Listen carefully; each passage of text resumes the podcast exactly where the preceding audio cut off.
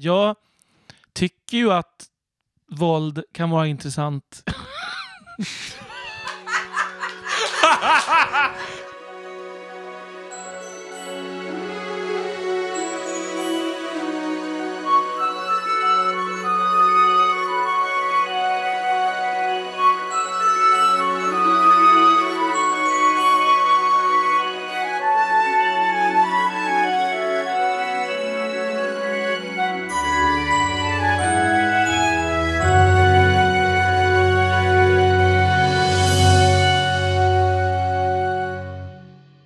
Hej och välkomna till Tolkien-podden. En ny podcast där vi diskuterar olika aspekter av J.R.R. Tolkiens författarskap. Och med mig idag har jag Daniel Möller. Och Elisabeth Bergander.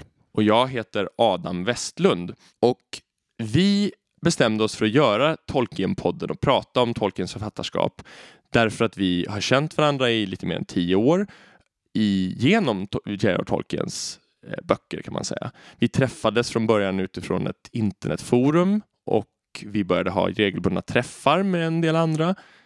Eh, göra egna översättningar, eh, diskutera poesi och olika aspekter av böckerna helt enkelt. Och det här har varit en röd tråd i vår, vår vänskap kan man säga i ganska många år och vi har diskuterat många av de här ämnena ganska djupt eller på djupet. Och därför så tänkte vi att det kunde vara roligt att låta en förhoppningsvis bredare publik ta del av de här diskussionerna för att vi ser det här på lite olika sätt.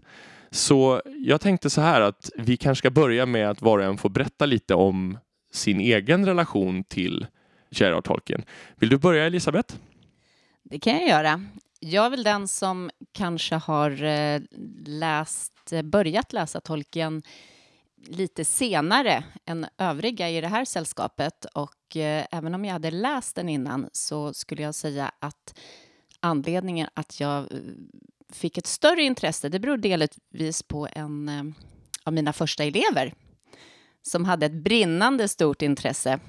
Så att eh, han fick med mig på bland annat Tolkiens Arda och eh, introducerade den delen.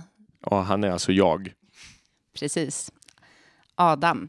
Eh, jag tror att det som fascinerade mig från början, det var nog just det här att det var stort. Jag älskade sedan tidigare äventyr, eh, hjältesagor och eh, godas kamp mot det onda. Och i de här böckerna så finner man ju alla de här delarna. Daniel? Ja, jag har väl varit en Tolkien-fan då sen jag läste dem första gången jag gick i lågstadiet, någon gång böckerna alltså. Och eh, ja, på CV, där kan man väl, nu ska jag då skryta lite i tanken här och säga att jag har ju varit med och faktagranskat nyöversättningen tillsammans med en liten grupp. Det är väl mitt stora bidrag till Tolkien-Sverige. Och det var ju förstås väldigt intressant att göra det. Annars så jag har hängt på lite Tolkienforum och intresset har gått lite upp och ner under åren men Tolkien har alltid funnits med som en del av mig ända sedan jag fastnade för böckerna första gången jag läste dem. Och då är det jag kvar då. Eh, jag har varit intresserad av Tolkien sedan jag var sju år om jag minns rätt. Eh, när min mamma tipsade mig om att jag borde se den tecknade Sagan om ringen av Ralph Bakshi från 1978. När den gick på tv. Vi spelade in den på VHS och jag såg den. Och efter det så läste jag både Bilbo och Sagan om ringen ganska snabbt efter varandra och blev fast. Senare så väcktes mitt intresse ytterligare kanske inför att filmerna skulle komma ut om Peter Jacksons filmer och då drogs jag in i de här Tolkien-forumen som vi alla varit aktiva på. Och det ledde senare till att jag till exempel var med i TV4s nördfrågesport Fantasterna och, och vann Sagan om ringen-programmet. Och sen har jag också till exempel haft föredrag på Medeltidsmuseet på ämnet Tolkien och medeltiden. Så att det här är ett ämne som har funnits som en röd tråd genom mitt liv kan man säga. Jag är till utbildningen medeltidshistoriker men jobbar just nu som lärare och på ett antal olika museer som museiguide och jag är eh, till vardags musiklärare och körledare. Läraryrket går som en röd tråd här. Jag är också lärare och undervisar i svenska, svenska som andraspråk och engelska på ett högstadium. Dagens avsnitt, det första av den här podcasten, ska alltså eh, handla om varför man fastnade för Tolkien och vad som sen har hållit oss kvar. Det tänkte vi var en bra introduktion till hela ämnet eftersom det tar upp de viktigaste aspekterna av fascinationen för de här böckerna. Och Elisabeth, du nämnde ju lite tidigare att det var hjältesagor och det goda mot det onda. Vill du utveckla det lite? Ja, men jag är ju uppvuxen med att älska böcker som till exempel Robin Hood eller De tre musketörerna. Det här att man gemensamt gör någonting för att hjälpa andra. Det är sånt som tilltalar mig i litteraturen och kanske även i verkligheten. Så den delen är någonting som har fångat mig väldigt mycket. Ja, det tror jag att jag kan relatera till också. Även om det kanske var lite mer så här wow, det är svärd i, min, i mitt fall, eftersom när jag var sju, åtta år, att jag gillade pirater och vikingar och riddare och allt sånt och det här var en sorts, liksom, nästan som en sorts matinéfilm fast mer av allt. Det var liksom Big King XXL-versionen av, av riddare och pirater. Men det, det kommer nog komma in på mer, men jag förstår definitivt till, det som tilltalar i äventyrsberättelsen. Det här är så pass länge sedan nu eh, som jag började läsa de här böckerna. Det var ju redan på 1800-talet. Nej, men det var som sagt i lågstadiet någon gång, jag tror att det var åtta år, som jag började läsa. Och eh, det är lite svårt nu att komma ihåg vad det var som gjorde att jag fastnade. Men det är såklart det här äventyret var någonting som jag också tilltalades av. Och eh, att man utforskade den här världen tillsammans med de här små hobbitarna. Att man visste inte riktigt. Jag visste inte vad som skulle hända, hur stort och episkt det skulle bli. Utan det började ju det lilla och så fick man följa med på det här äventyret. Eh, och så var det att det fanns kartor i början. Det var ju spännande. Jag satt och tittade på de där kartorna hur mycket som helst vet jag. Och satt och undrade över alla dessa namn på platser. De här felöversatta namnen av Åke Ormarks. Um, så det var ju otroligt fascinerande liksom, att se. Ska vi färdas över, ska vi få möta alla de här platserna på vägen nu? Jag är såklart väldigt nyfiken på det. Det var ju på något sätt lite annorlunda för mig eftersom jag hade sett Ralph Bakshis film innan jag läste böckerna. Så det, det gjorde att jag visste åtminstone halva handlingen innan. Och det gör att, tror jag, att det, det fungerade på ett lite annorlunda sätt för mig. Det var mer en fördjupning, i alla fall till en början. Jag kommer inte riktigt ihåg hur jag kände inför andra halvan, för det var så också förhållandevis länge sedan, känner jag. Um, men um, det var definitivt så att jag också tilltalades av det här djupet, alltså hur verkligt det kändes, även om det var otroligt och fantastiskt och övernaturligt alltihopa. Just den biten är väl någonting som verkligen också är det som greppar en idag.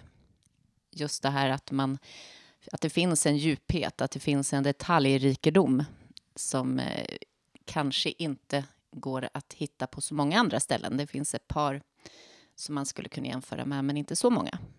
Jag kom ju också från att inte ha läst The Hobbit först. Jag läste inte Bilbo först, utan jag började ju med Sagan om ringen. Så jag, hade, jag kom ju in i det utan att ha den förförståelsen också. Det var till och med så att jag hade en fritidsfröken som sa till mig att när du läst ut Sagan om ringen, då kan du få låna Bilbo av mig. Jag vet inte varför han tänkte så. Och för mig var det ju helt klart så att Tolkien också blev eh, inkörsporten i fantasy och så småningom sen alltså fantastisk litteratur i dubbel bemärkelse. Jag hade ju läst lite, man, jag vet inte, Muminböckerna och eh, Astrid Lindgren och jag tror att jag även hade läst Det susar i säven innan. Men det här blev på något sätt öppningen in i den världen och satte igång tror jag, ett intresse som, eh, för just det här äventyret. Det är svårt att veta om mitt intresse för den typen av böcker kom på grund av tolken eller om tolken blev det första gången jag mötte det så och därför blev inkörsporten. Jag tror att i mitt fall så är det definitivt så att det var oundvikligt. Bara att det, det råkade vara så att det blev inkörsporten för mig. För att mm, som sagt, min mamma hade ju rekommenderat mig att se den här filmen eller spelat in den åt mig för att hon visste att jag skulle tycka om den. Så det kändes på något sätt som att hon redan hade förstått innan att jag skulle tycka att det var bra. Egentligen så allt jag har tyckt om sedan dess har på något sätt kretsat kring samma tema. Så att i mitt fall tror jag definitivt att Tolkien var ett symptom, inte, inte orsaken. Jag tror också man får tänka på att vi tre är lite olika gamla. Vi befinner oss i, eller vi befinner oss i två olika åldersskikt Ja. kan man väl säga. Där två av oss är lite äldre än den tredje. Jag är då den, den som är inte riktigt torr bakom öronen då. Så på ringa 29 år. exakt. Precis, så tänkte jag. Eh, och det var, jag tänker klimatet, alltså vad, vad fanns det för någonting i övrigt? Eh, när jag var liten, när jag läste de här böckerna, då fanns inte internet. Fantasy-genren var liksom ingen stor biogenre. Det som fanns var mest riktat till barn då skulle jag säga. Det finns säkert massa undantag som jag nu glömmer. På ett sätt och vis skulle man ju kunna säga att vi hade en extrem förmån eller fördel där för att en sån här bok tror jag många fastnar kanske i att det är för mycket text, det är för, man, man måste bli en ganska van läsare idag för att orka eh, med så mycket. Och eh, någonstans med tanke på att utbudet var inte riktigt lika stort och, och man fick vänta på att tv-programmen startade vid en viss tidpunkt och man kunde inte göra alla saker sekundsnabbt när man kom på att man ville göra det så vande man sig kanske på ett annat sätt vid att saker fick ta lite längre tid och det ser ju jag som en enorm fördel. För de som är ännu yngre än dig, Adam. Finns det sådana? Det tror jag. Jag har sett dem på gatan. Eller i skolan där Ja, på jobbar. jobbet? Eh, så tror jag också att idag är det ju så att fantasygenren är allmängods på ett helt annat sätt än det var då. Så alla känner till Harry Potter och alla känner till Sagan om ringen och alla känner till Game of Thrones. Det är alltså mainstream idag. Men jag skulle nog vilja hävda att den här förändringen till stor del även har skett under min livstid. Att när jag var liten så var det inte alls allmängods på samma sätt. Att det är filmerna, alltså den här stora vågen av episka filmer under 2000-talet som har liksom smält ner fantasyn i mainstreamen på något sätt. Att alla har börjat titta på de filmerna och det, det är liksom allmänbildning på något sätt att ha sett dem. Eh, och sen Harry Potter tror jag också som en väldigt lättillgänglig länk mellan barn och vuxenlitteratur och mellan övernaturligt och, och inte och sådär. När jag var liten eller ung, så, eller yngre, så fanns det ändå det fanns en helt annan fantasygenre. Det fanns en hel del 80-tals fantasy, David Eddings och Terry Brooks och alla de där författarna. Och dessutom så fanns det en ganska livaktig datorspelscen som var starkt inspirerad av den här liksom, high fantasy, eller vad man ska säga, Warcraft och War, Heroes of Might and Magic och det var vet du, brädspelsvarianter och Warhammer och äh, hela, hela den här biten. Och liksom, orker och alver och dvärgar och sånt fanns ändå på ganska många håll. Det var inte Tolkien som var liksom den enda källan till det här. Så jag hade mött många av de här sagoväsena innan.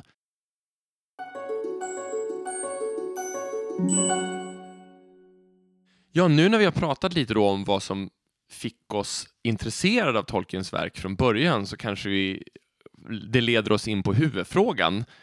Vad är det som har hållit oss kvar? För att det är ju ganska många som någon gång har läst böckerna och blivit intresserade men som kanske inte haft det här ihållande intresset som alla vi tre ändå har haft och att man har alltså, ganska stor del av ens fritid ändå har, har spenderats på att prata om det här eller på olika sätt relaterade till Tolkien. Kan ni komma med några exempel på vad är det som har gjort att ni har stannat kvar i det här ämnet? Varför är det fortfarande spännande så här många år efteråt? Jag funderade på det här lite inför det här och eh, bollade en tanke med en av mina nuvarande elever. Och hennes svar tror jag passar väldigt bra egentligen till det som jag tänker på också. Och det är just det här att det finns så mycket mer hela tiden. Man kan Djupet. Ja, verkligen. Det är ett enormt djup. Eh, man eh, pratar om någon person som har funnits i historien och sen kan man gå tillbaka i den historien och titta på den personen i sitt sammanhang. Även om den kanske i just Lord of the Rings bara nämns som en liten bipassage. Eh, och det är någonting som fascinerar mig enormt. Eller när det är en snutt av en dikt och det också handlar om någonting som har sin egen historia som, som är helt utarbetad men som bara nämns i förbigående i det verket till exempel. Det är på något sätt livsverket kan man väl säga. Alltså Tolkiens livsverk. Han ägnade ju i princip hela sitt vuxna liv åt den här världen och fyllde på och utökade och ändrade och reviderade också ska vi säga. Så hur han bygger en alternativ verklighet det är det som är så fascinerande också, hur han lägger sig vinn om att förklara detaljer. När någon, ett barn skriver ett brev till honom om vem är det och varför händer det och då, då berättar han det. Han kommer på det i stunden och förklarar och lägger till den detaljen då. Så att, till världsbygget. Till världsbygget. Så han bygger den här världen konstant hela tiden från de här skyttegravarna under första världskriget och fortsatte ända till sin död Nej, men just det här också med att han kunde lägga till, han får en fråga, han kan svara på den och lägga ihop det i ett sammanhang så att det fungerar. Han har bilden så totalt, eh, han har helheten framför sig. Eh, och sen även att han har reviderat och gjort om eh, framför allt det som sen blev Silmarillion. Så har det ju ändå fungerat ihop på ett sätt som fascinerar enormt. Och det är på så många områden. Att det är, det är ju inte bara liksom historiken eller liksom persongalleriet som man kanske kan se även hos till exempel George R. R. Martin, utan även språkmässigt. Att vi har till exempel eh, utarbetade språk som är så genomarbetade så att de orden har åldrats med riktiga ljudlagar och såna här saker. Vilket ju är en helt vansinnig nivå om man jämför med de flesta. Alltså, de flesta fantasyförfattare är ju så att skriv ett långt ord, stoppa in ett cirkumflex och två accenter och sen så har vi liksom den onda försten. Medan här vi, ta ett ord från ett, från ett liksom, språk jag kan lite grann och sen så åldrar jag det lite grann. Om det hade sagts av någon som var så här, vad hade ordet blivit då? Och sen så har vi då, och det är, det är väl det där att det finns, det känns som att det finns en tanke bakom allting. På något sätt så köper man att de olika versioner av myterna som man skapar är precis som verkliga myter inte riktigt konsekventa. Alltså det blir som ett mytbygge som känns genuint tack vare att de förändras också.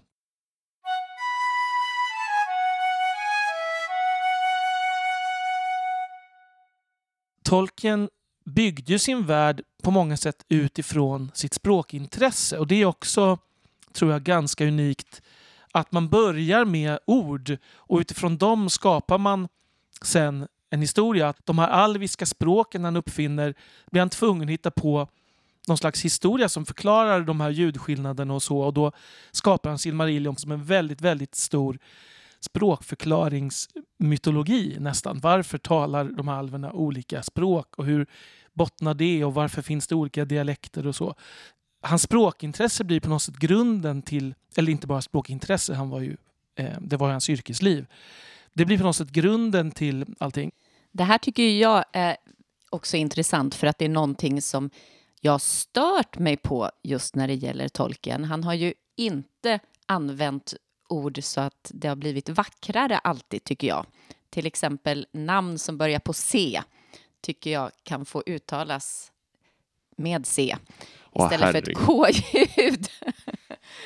Här tycker vi olika. Det hade varit mycket vackrare om det fått heta Celleborn. Men man får ju acceptera att den som har författat det hela är den som bestämmer och då får vi helt enkelt vika oss oavsett vad man tycker. Tolkien han jämförde språk med eh, viner, att man på något sätt njuter av språk som vin. Och hans smak vad gäller språk kanske den, den speglas ju då i de här att han älskade finska, att han älskade walesiska, Eh, och de här sakerna kryper ner i de här språken och därför blir ett namn som Kelleborn blir liksom logiskt. Det, det, finns också en stark norm för oss kring vad som är vackert, tror jag. Och många vill uttala det på något sorts lite sydeuropeiskt sätt. Alltså att, om man vill se ett sådär så tänker man lite mer på spanska eller italienska och så. Det, det är egentligen något som Tolkien undvek. En av de saker som jag fascineras mest av det är ju det här hur han utgår från ett ord. Och Det kan vara ett ord som man hittat på själv, till exempel Hobbit In a hole in the ground there lived a hobbit. Och när han skriver det, sitter och rättar prov och skriver den här meningen någonstans där det råkar vara lite tomt på ett prov och han kände vad skönt, här var tomt. Han skriver en mening och så skriver han denna meningen och undrar hmm, vad är en hobbit? Det måste jag ta reda på. Och börjar skriva en berättelse för att förklara vad en hobbit är. Och så gör han ju även med ord från vår egen riktiga värld. Alltså att han går tillbaka till fornengelska dikter och hittar i arendel som ett ord och tänker vad är nu detta? Någonting som skiner på himlen. Hur ska jag förklara det? Och hitta på hela den myten om Earendil som färdas över himlavalvet med en silmarill i stäven. Och det knyter ju an till en annan sak som jag tycker håller mig kvar i Tolkien. Det kanske blir extra tydligt när man, när man sysslar så mycket med historia och myt och så som jag har gjort i andra sammanhang också. Men det, det finns ju en väldigt tydlig mytisk koppling hos Tolkien. Väldigt, väldigt få av de här koncepten eller Även om han har förfinat dem så har han ofta inte hittat på dem själv. Alver och dvärgar och troll och så. Många av de här sakerna finns ju innan. Orkerna skulle man kunna argumentera för är något, hans egen skapelse, men väldigt många av sakerna har en tidigare mytologisk existens. Även orkerna kommer ju från ett fornengelskt ord då, som han kände sig tvungen att förklara vad det var för någonting. Precis, men själva konceptet orker Absolut. är hans skapelse. Absolut. Och det man, kan, det man kan säga om det här är ju på något sätt att jag tycker att han använder sig av de mytiska inspirationskällor han har på ett väldigt medvetet sätt. Alltså att, precis som du säger så jobbar han med fornengelska, stoppar in det, det, det blir stor inspiration till Rohan till exempel. Han eh, arbetar med vi har till exempel att de flesta dvärgnamn är tagna direkt ur poetiska Eddan, för han har en nordisk koppling. Väldigt många av de här är ju just nordiska eh, väsen och sådär. Just att han jobbar med de berättelserna och inte ger dem någonting helt nytt utan att han faktiskt använder det och utvecklar snarare. Han knyter även an till klassisk antika myter så jag tänker Atlantismyten som eh, blir Nomenor i hans verk och till och med får då namnet Atalanta. Han försöker förklara var kommer ordet Atlantis ifrån och hela den myten skapar han också en berättelse som förklarar det bakomliggande konceptet. Och jag tänker liksom att det här är en eh, ytterligare en aspekt som gör att det känns djupt, att det känns genomarbetat, att det här är sammanvävt med det han har hittat på själv. Det som jag skulle vilja kalla kanske för en mytisk resonansbotten, om man ska använda ett lite fancy ord, för att det är liksom hela tiden så han studsar sina idéer mot sin egen kunskap om europeisk myt och europeisk förhistoria och på olika sätt knyter in den och även väldigt mycket kristna saker, det kan vi prata om senare också. Men, men alla de här sakerna kopplas ihop med varandra men det görs på ett väldigt elegant sätt just för att han kan de här sakerna så bra så han förstår vilka aspekter som funkar med varandra och vilka som inte gör det. Det är någonting som jag tycker skiljer ut honom från mycket annan fantasy som kanske mer har tagit ett gäng sagoväsen som de har velat ha med och sen bara slängt in dem lite huller om buller medan hos Tolkien känns det väldigt organiskt. Där kommer man ju också in på hans bild av det här med ont och gott. Eh, jag tycker att det är en av de saker som håller mig, eller mitt intresse, kanske framför allt i början, eh, så höll det mitt intresse kvar, så var det just den här kopplingen till att, att eh, de han från början valde att göra som kanske goda, de kunde välja att välja om, välja en annan väg. Om vi tittar på, på Morgoth, Melkor eh, och även Sauron så är ju deras roller med kopplingen just kanske då till kristendomen också och andra religioner och, och just det här att man kan välja hur man i kristendomen har, har haft eh, ett val att välja den onda sidan, eller vad man ska säga, att göra uppror. Att falla. Att falla. Eh, så är det ju en likhet där med hur man har valt att två gånger om egentligen eh, låta både eh, Morgoth göra det valet och även Sauron. Och de, eh, de här stora temana som han eh, tar upp, till exempel då gott och ont, alltså han fegar inte ur. I mycket annan litteratur så går det inte att diskutera de sakerna utan att det blir övertydligt eller någon slags patetiskt så. Alltså man Lite skulle skriva... ostigt. Precis, exakt. Om man tänker realistisk litteratur där man diskuterar ont och gott och barmhärtighet och, och um, allt sånt. Um, så det behövs fantasy för att kunna prata om sådana här stora frågor. Och det berör en på djupet, i alla fall mig, just för att han vågar gå in på vad är godhet och ondska? Då pratar vi inte bara på detta stora kosmiska perspektiv med de här äh, fallna änglarna i princip då. Eh, utan det handlar en, även om hur den här småaktiga ondskan som till exempel finns hos Saruman när han eh, har eh, tagit över Fylke och förstört det som var vackert och fint. Så det, den småaktigheten, den byråkratiska ondskan, den är också väldigt mer nära vår egen värld och jag tycker att Tolkien på något sätt hittar sätt att förklara ondska ur både det stora perspektivet när det verkligen är dualistiskt svart och vitt, vilket behövs i det här mytbygget, men sen hur han kan applicera det i det lilla perspektivet också. Annars är ju det någonting som i vår kanske lite cyniska samtid ofta kritiseras av Tolkien, att man tycker att han är väldigt svartvit. Om man jämför det med till exempel George R. R. Martin så, så ser ju den världen, världen fullständigt annorlunda ut. Alltså den är, alla människor består av gråskalor och hela, vad ska man säga, hela stämningen är otroligt mycket mörkare och råare i grunden. Eh, ondska där är någonting mycket mer eh, förvridet än vad Tolkien ens tänker sig. Alltså, Tolkiens ondska är mycket mer det totala mörkret, frånvaron av godhet, men han skulle aldrig ha kommit på avancerade tortyrscener som George R. R. Martin kan tänka ut till exempel. Nej, nej men det är sant. Och det tror jag också bottnar i två väldigt olika bakgrunder. Jag tror att Tolkien, han upplevde verklig ondska i första världskriget. Det här är någonting vi säkert kommer kunna komma tillbaka till i andra avsnitt. Hur många av de författare som själva upplevde krigets fasor i första världskriget blev författare som inte skrev realistisk litteratur utan man blev påverkad på allvar, på djupet och såg godhet och ondska som något större och försökte förklara det utifrån det man beskrev. Men man kunde inte beskriva det riktigt i realistiska termer utan var tvungen att ta en icke-verklig eh, syn på saken. Men för att beskriva något verkligt. Det som nästan berör mig mest illa i Lord of the Rings det är när de skickar över huvudena av de här fallna krigarna över stadsmuren I Minas Tirith. För det är så otroligt förnedrande och gement och inte på en, den här äh, svartvita nivån som att åh, det är gudar som slåss, utan det är verkligen någonting man skulle kunna göra i ett krig. Men jag tänker just att i det där fallet så bryter det av mot resten av stämningen. I, hos George R. R. Martin så händer det där ungefär var tionde sida, någon kastar över avhuggna huvuden. Liksom. Så där blir ju det en chock för att det på något sätt kontrasterar mot den övriga stämningen där man blåser i horn och håller episka tal innan man ska in i kriget. Kan inte det vara just typiskt när man själv har upplevt det, att man väljer att lägga in det i en mängd som gör att det blir väldigt, väldigt mycket starkare och realistiskt.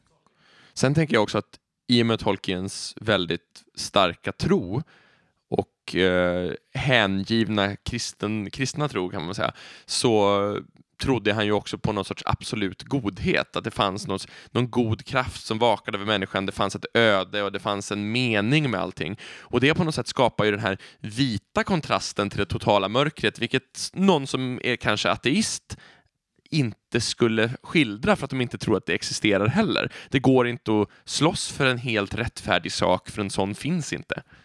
Och så måste man ju också tillägga där att eh, trots att han har en absolut godhet i, i form av, av den ursprungliga skaparen, eller vad man ska säga, så har han ju även skapat mytologiska undergudar, eller vad man ska säga, som faktiskt inte har en absolut, utan de eh, har ju väldigt många mänskliga drag och inte total eh, godhet i sina handlingar rakt igenom apropå den här skaparen, jag måste också säga att jag tilltalas ju väldigt mycket av en värld som skapas genom körsång.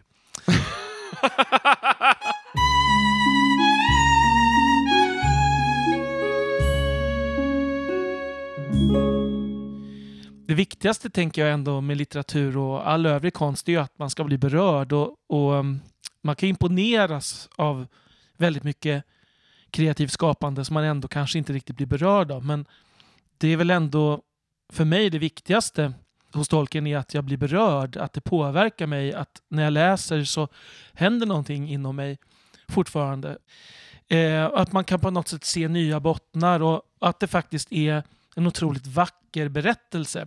Jag tycker ju att eh, kärleken som han själv måste ha haft till det som eh, är förebilden för The Shire går igenom väldigt väl i inledningen av boken just när de vandrar genom fylket eh, och eh, njuter av hur allting är vackert och eh, säger farväl till olika områden och lägger märke till de här små detaljerna. Vi vet att, att The Shire fylke, det är ju England. När jag åker till Oxford, vilket jag ofta gör, när man ser de här böljande kullarna, eh, de, de här häckarna, de här små dungarna av träd, de här åkrarna, då är det ju precis i fylke man befinner sig. Och det är också det jag, jag älskar ju bilden av Fylke i Peter Jacksons filmer, det ska jag erkänna. Det ser inte ut så i mitt huvud. Jag förstår vad du menar. Men jag tänker att i det här stora perspektivet som vi pratade om, det här är att vi alla kan relatera till det, för jag känner igen mig också, att man kan relatera till att man njuter av skönheten och att han kan berätta i detalj om alla de här sakerna. Det säger ju någonting om oss som personer också, för det finns ju väldigt många människor som inte tycker att det blir bra, som tycker att han blir alldeles för pratig och att det blir för mycket detaljer kring ovidkommande saker. Handlingen drivs inte på, det går inte att ta sig igenom de första hundra sidorna och sådär. Och jag har, hade en skrivlärare en gång som sa att varför måste all fantasy efter Tolkien utspela sig i någon sorts stiliserad version av norra Wales?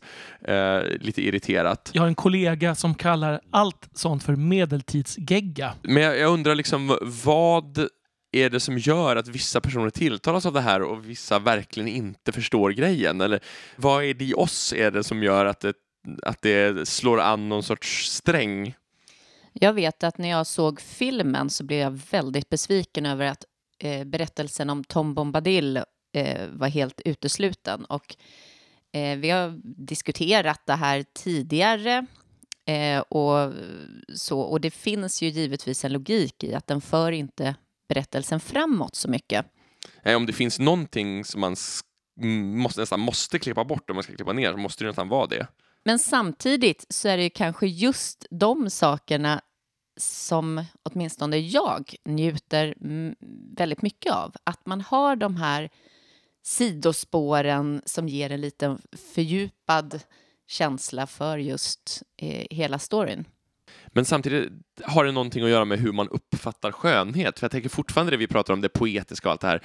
Man måste tilltalas av någon, tilltalas av någon lite, lite romantiserad bild av verkligheten tror jag för att man ska uppskatta det hela det här.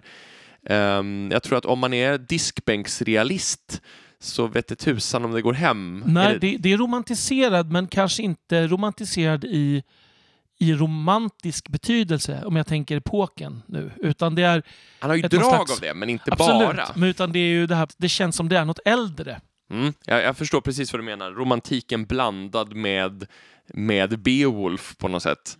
Lite åt det hållet. Um, men jag tror ändå så att säga, alltså jag, jag tänker ändå att vissa delar av verket, framförallt de mer storslagna, hade ju romantikerna uppskattat om de hade kunnat läsa dem 1840 tror jag. Och jag tror att de av oss som tilltalas av just den här biten kanske även tycker om en del litteratur ifrån just romantiken. Jag tror att det är den här blandningen där mycket av naturskildringen är romantisk. Kan man säga så kanske? Absolut. Och, tänka att, och själv, självklart även under romantiken fanns en stor vurm för historia som på något sätt tolken sprang ur. Men, mm. Och myt. Men, och myt, precis. Men det är blandningen av de här romantiska skildringarna, det här nordiskt fornengelskt kärva, mer karga och det här som är, jag menar mycket av det som då handlar om så kom, som bottnar i Tolkiens upplevelser under första världskriget, det är ju saker som ingen författare under romantiken hade kunnat skriva. Om man tänker Döda träsken eller eh, den här scenen som jag pratade om tidigare med huvudena i Minas Tirith. Det är sånt som inte en 1800-talsförfattare hade skrivit. Åtminstone inte kunnat beskriva på det sättet. Och även Tolkiens tema, det här med maskinen och industri, på något sätt, det blev en del av det nya kriget. Men kan man inte säga att han lite byter stil genom verket i sig? Och jag tycker väl att det kanske just är kontrasten mellan stilarna och mellan bilderna av världen som gör det så dynamiskt och intressant. Att det är just det där, den stora mekaniserade ondskan mot den här idealiserade stjärnhimlen över skogen på något sätt. Det blir, det blir två världar som möts och då blir det ännu hemskare så att säga när den här stora liksom, var, smidda varghuvud med eld i munnen ska dunka in Minas Tiriths vita portar. Liksom. Det, det, det blir två världar som möts. Man kan ju på något sätt se det som att det onda, det är 1900-talet och det idealet, det är detta, vad ska man säga, fornengelska, nordiska och sen så befinner sig Tolkien själv någonstans där mittemellan i sitt 1800-tal. Ja, i sitt 1800-tal.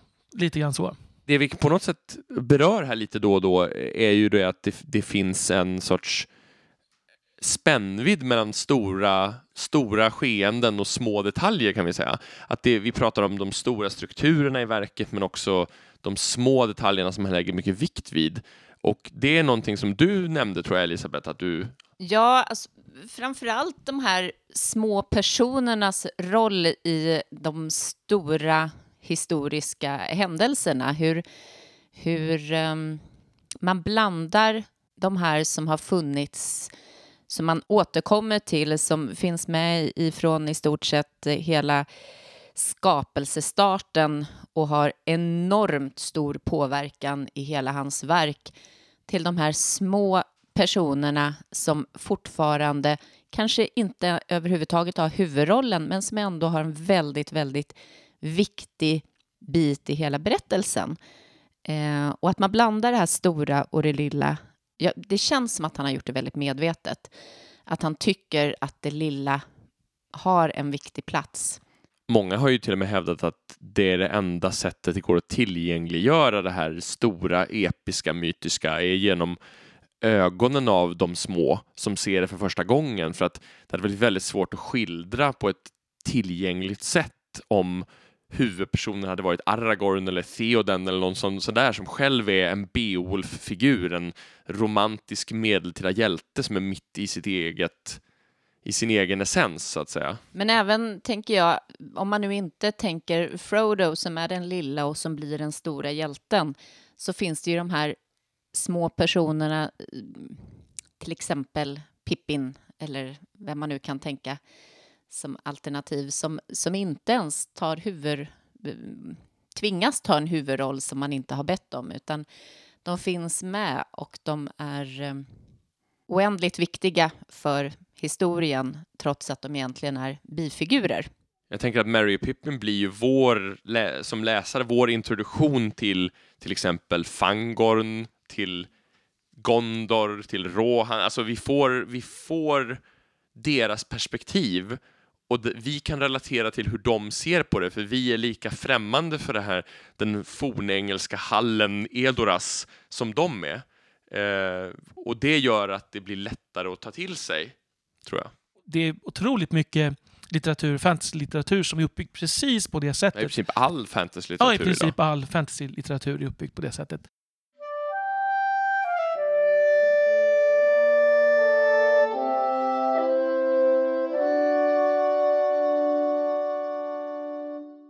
Någonting som Tolkien förknippas med väldigt mycket, som många som inte är så förtjusta i det eller inte så insatta, de tänker på Tolkien så tänker de bara på det stora perspektivet skulle jag säga. Det är en väldigt vanlig fördom att om du beskriver vad är, hur är Sagan om ringen eller The Lord of the Rings så kommer folk att ge dig det här bombastiska.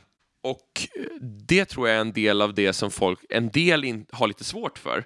Till exempel Silmarillion, som vi har nämnt tidigare, den är, har ju inte alls lika mycket av det lilla perspektivet, utan det är ju en som en medeltida krönika, väldigt utzoomad och berättar bara om stora skeenden och halvgudalika gestalter som gör saker. Och det är, även bland Tolkien-entusiaster som vi så går ju åsikterna isär lite om hur bra är Silmarillion egentligen.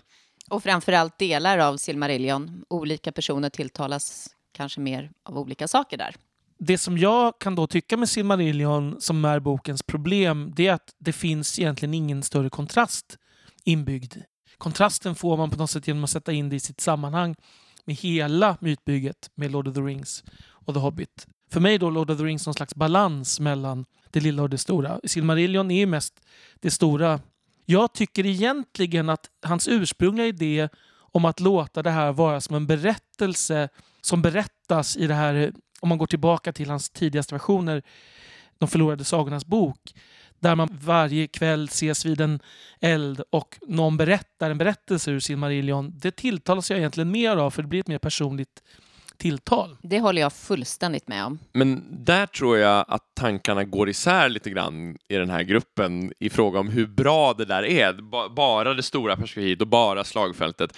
För att jag har ju någon sorts lite av en krigsstörning kan man säga. Jag är helt emot våld som person och jag är inte alls dragen åt det hållet, men i litteratur och konst och allt sånt där så är det något som berör mig mest. Och det gäller ju även i det här verket. Det är ju någonting som jag inte alls riktigt kan förstå eller relatera till, utan för mig är det ett nödvändigt ont att ta sig igenom de bitarna.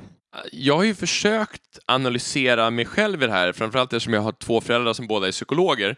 Jag har försökt diskutera med dem, varför är det så här? Med tanke på att jag inte alls gillar våld egentligen, varför, varför berör det mig så mycket? För det är så inte bara alls i Tolkien, utan det är så i Game of Thrones, det är så i ja, i princip allting, att de gånger jag blir riktigt berörd och gråter eller så, det är när någon ska göra en, ett sista försvar och alla kommer att dö och de offrar sig för saken på slagfältet. Eh, men, men min teori om det här är på något sätt att det är någon sorts genuskonstruktion. Att det är så att det, det, det finns något äldre sorts manlighetsideal som har med våld och hårdhet och sådär att göra. Och jag lever inte alls upp till det som person, jag vill inte heller leva upp till det, men det känns som att jag ibland kanske, jag och flera andra kanske ibland kan kompensera lite ibland genom att bli fascinerad av det i skildringar från andra istället. De här krigsscenerna blir bra för, för mig för att de får ett perspektiv genom det lilla. Jag tycker till exempel i The Hobbit, femhärslaget som inte är ett av Tolkiens mest episka slag, det kan man ju inte påstå. Absolut inte. Men det är så episkt det blir i The Hobbit.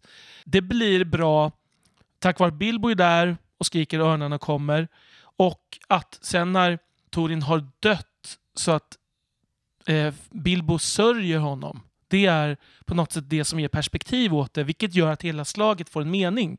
Och det är kanske därför jag tycker slagen i Silmarillion är det minst intressanta i Silmarillion. Det som är mest intressant för mig i Silmarillion är berättelserna om till exempel Torin eller om Beren och Luthien. Alltså det som är så konstigt för mig är ju det att liksom i alla verken så är det de mest episka, mest våldsamma ögonblicken som jag tycker är det allra bästa. För mig är de bästa tre meningarna i The Hobbit Of the twelve companions of Thorin, ten remained. Fili and Kili had fallen defending him with shield and body for he was their mother's elder brother. Och för där fyller jag i äh, liksom all känslan själv i den här liksom, och det här är ju någon, alltså stilgreppet här låter ju som en lite lite som en Beowulf, alltså en, ett äldre verk, liksom en krönika eller något åt det hållet. Jag kan tycka att det där funkar bra i, i Bilbo, eh, för att jag vet vilka Fili och Kili är. Eh, jag, man känner de här dvärgarna åtminstone lite grann, inte för att de är några större personligheter kanske i boken, men, men alltså man känner dem, man känner med dem. Och det gör att eh, jag på något sätt får en relation till dem och då blir det där, det griper tag. Men i Silmarillion har man egentligen ingen relation till de här personerna. För de är inte personer utan arketyper. Jag skulle säga att jag liksom inte riktigt håller med. Jag tycker att jag okay. har mer relation till Fëanor än till Fili och Kili. Alltså att han är, har mer av en personlighet mm. och mer av en agenda. Det och liksom... ju, absolut, det finns ju eh, personer i Silmarillion som har personligheter och som också griper tag mer. Och även de som är i centrum av de här, till exempel om du tänker på Nirnaitha Noidiad till exempel, då har du Fëanors söner som Maidros och han, har ju hela, han är ju hela tiden en röd tråd på något sätt, att han försöker styra upp det här och är kluven inför Noldors liksom, an, liksom frånfälle från Valar och hela den där biten. Och de inre konflikterna i till exempel eh, i, i hans fall de är ju intressanta, men själva krigsföringen blir ju inte intressantare på grund av det. Jo, det tycker jag. Absolut. Alltså, jag vet, jag vet inte vad det beror på, men alltså liksom när, när Dorlomins män faller vid The Fen of Serech, det är, liksom, det är det bästa han har skrivit tycker jag. Men det är ju olika där. Jag tänker att för mig är ju till exempel när de hittar Balins grav i Moria, det griper tag mycket mer för man har en relation till Balin och framförallt personer som har en relation till Balin blir gripna av det. Precis som Frodo säger något, han mindes eh, Bilbos möte med den gamla dvärgen. När, ja, sådär. Och det mötet minns man själv också från boken. Man kan alltså relatera till samma möte och bli gripen av det för att man har den relationen. Men jag tror att vi lite pratar om olika saker här. För det ni pratar om handlar mer om att man blir ledsen för att man tycker om personen som dör. För mig spelar det nästan ingen som helst roll. Det skulle kunna vara två namn som jag aldrig någonsin har sett förut som hade fallen defending him with shield and body.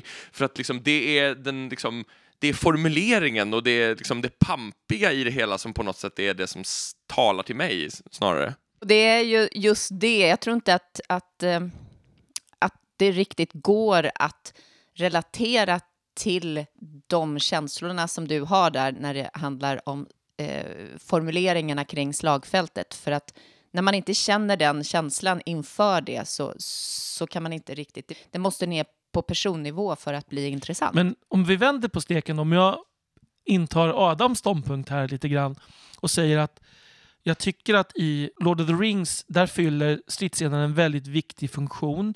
Jag tycker att de är bra för det mesta. Jag tycker inte att det sker hela tiden framförallt, utan det är det finns ett stort slag i, i The Two Towers, det är Helms Deep, och det finns ett stort slag kan man väl säga egentligen. I, ja. eh, ett och ett halvt kanske. Ett och ett halvt, ja. Mm. Och man skulle inte kunna ta bort dem, även om den svenska radioteatern valde att ta bort hela Helms Deep-slaget. Vilket är det lite fungerar synd. förvånande det funkar bra. förvånande bra. Men jag tycker det också är... Det, jag tycker kanske att det...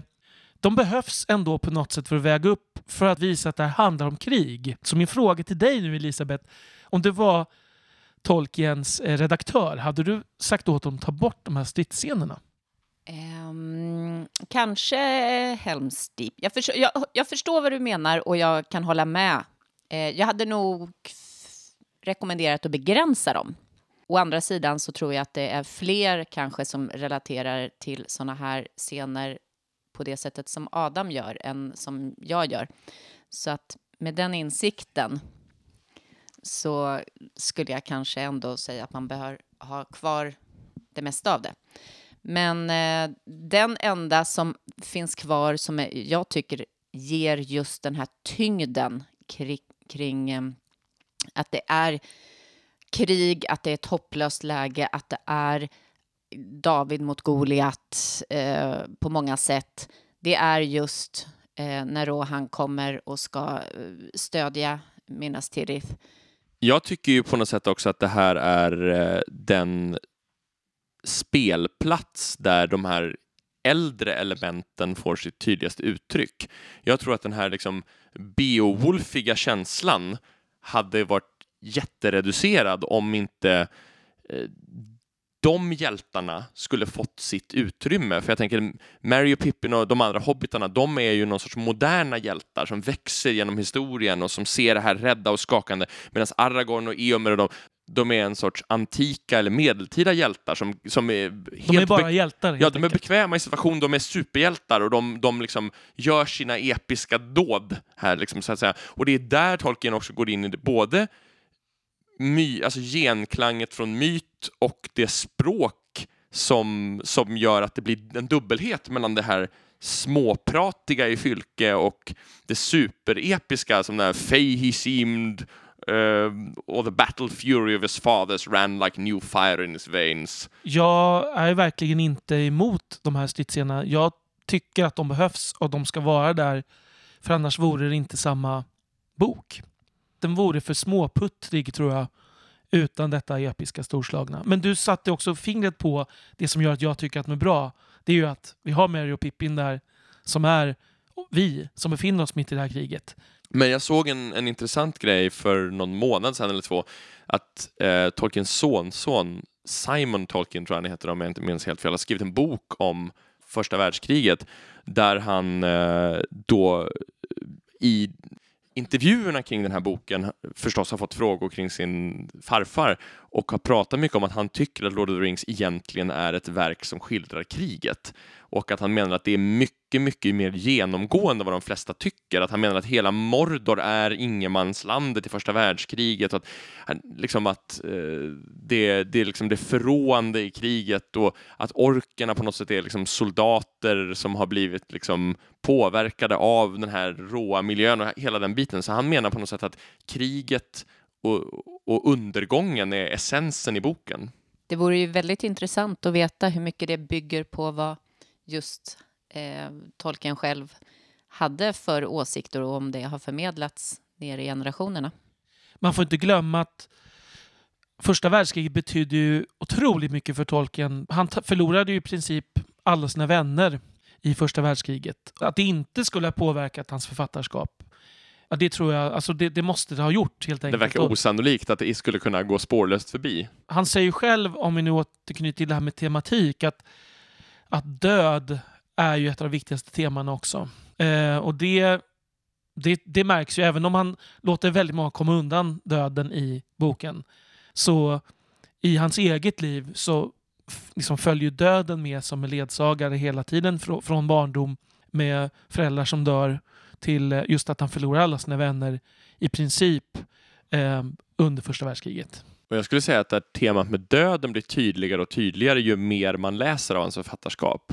Mm, För om man läser Silmarillion och Unfinished Tales och sådär så ser man den här dubbelheten inför döden och folks rädsla inför döden och att egentligen det är någon sorts ideal att acceptera döden och kunna gå vidare och inte hänga upp sig på den. Till exempel både Nomenors fall och Gondors nedgång handlar på något sätt om människors liksom desperata kamp för att klänga sig fast vid livet och att acceptansen av döden och människans öde på något sätt är ett jättestort tema.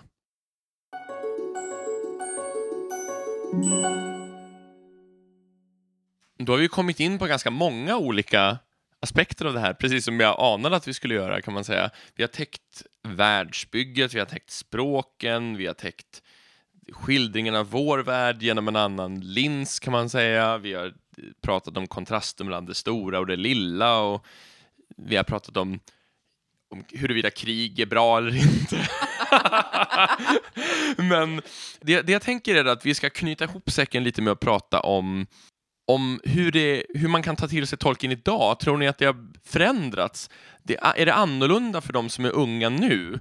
Om, om man möter tolken första gången, kanske genom filmerna eller genom det som maskineri som finns runt omkring idag, kommer man att se tolken på ett annat sätt? Kommer det vara lättare eller svårare att stanna kvar i Midgård som vi har gjort? Vad tror ni? Jag tror att en sån sak som är en skillnad är just det du tar upp. Jag tror att inkörsporten för många eh, nu eller i stort sett alla kanske, är just filmerna.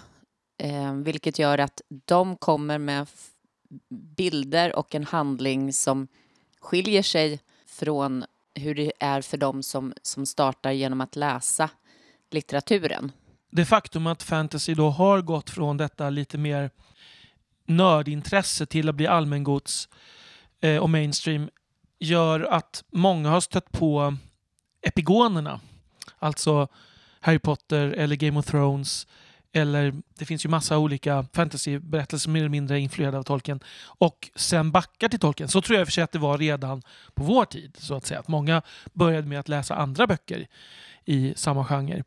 Men eftersom alla har en bild av vad fantasy är nu så tror jag inte att det nödvändigtvis är så att man ser Tolkien som på något sätt den bästa representanten, kanske, Ja, alltså, jag, jag, kan förstå lite hur du menar att det, det, blir lite som att man har inte riktigt den bilden av Tolkiens gudfaderrelation till genren på det sättet.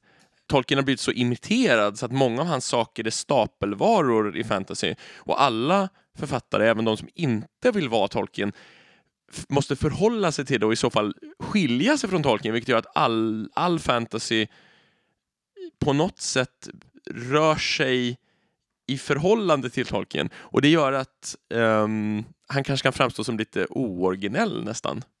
Det tror jag. Och dessutom så är det ju så att eh, då finns det ju litteratur som har ett modernare språk, som har ordval som kanske ligger närmre en ung läsares egen värld som kanske blir lättare att ta till sig.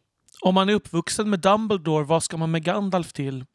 För mig är ju då Gandalf originalet, men om man växte upp med Dumbledore, då är ju Dumbledore originalet oavsett vem som kom först, tänker jag. Vi, och i sin tur kanske man, om man hade växt upp med Merlin eller Oden, hade man tyckt att Gandalf var en blek kopia. exakt, exakt. Och jag tror också som Elisabeth säger där att språket där, men det var ju likadant även för oss, borde det rimligen ha varit att det fanns litteratur som hade ett mycket mer modernt språk som vi kunde läsa i samma ålder tänker jag. Det var inte så att Tolkiens språk var hippt och trendigt på 80-talet när jag var liten. Så utifrån de här resonemangen, kommer Tolkiens popularitet då att leva kvar? Vad tror vi? Jag vill tro att den kommer att finnas kvar eh, och i viss mån så tror jag det. Eh, det var en fantastisk upplevelse att besöka hans grav som jag gjorde för några år sedan och se alla brev som människor från olika delar av världen har lagt där. Jag tror att Tolkien kommer gå tillbaka lite grann till där han befann sig innan filmerna släpptes. Att han kommer uppskattad och att det kommer ses som en klassiker. Kommer, han kommer leva kvar och kommer fortsätta läsas, men den här enorma hypen, den tror jag är förbi. Och jag tror inte det är kanske någonting man behöver sörja över heller, utan att filmerna ledde till en ny storhetstid. Den vågen kan man ju inte leva vidare på i all evighet. Och den nästkommande trilogin där med Hobbit-filmerna efter Lord of the Rings blev ju inte samma eh, succé. Det kan man ju fråga sig om det beror på kvaliteten på filmerna, vilket jag vill tro. Att det är en väldigt stor skillnad. Men också tror jag att marknaden var mer mättad när den andra trilogin kom. Eh, en kombination av det. Att de var inte lika bra, inte lika nyskapande och att man hade redan sett det. Ja, där får vi sluta innan vi pratar ihjäl både varandra och er. Men vi har åtminstone gott uppslag till framtida ämnen. Eh, flera av de här sakerna vi har berört idag kommer antagligen att komma som kommande avsnitt. Vi har ett helt gäng olika planerade och vi hoppas att den här podden ska komma ut mer eller mindre regelbundet. Så med de orden tackar vi för oss och hoppas att du kommer tillbaka för nästa avsnitt av Tolkien-podden. Hej då! Hej hej! Hej då!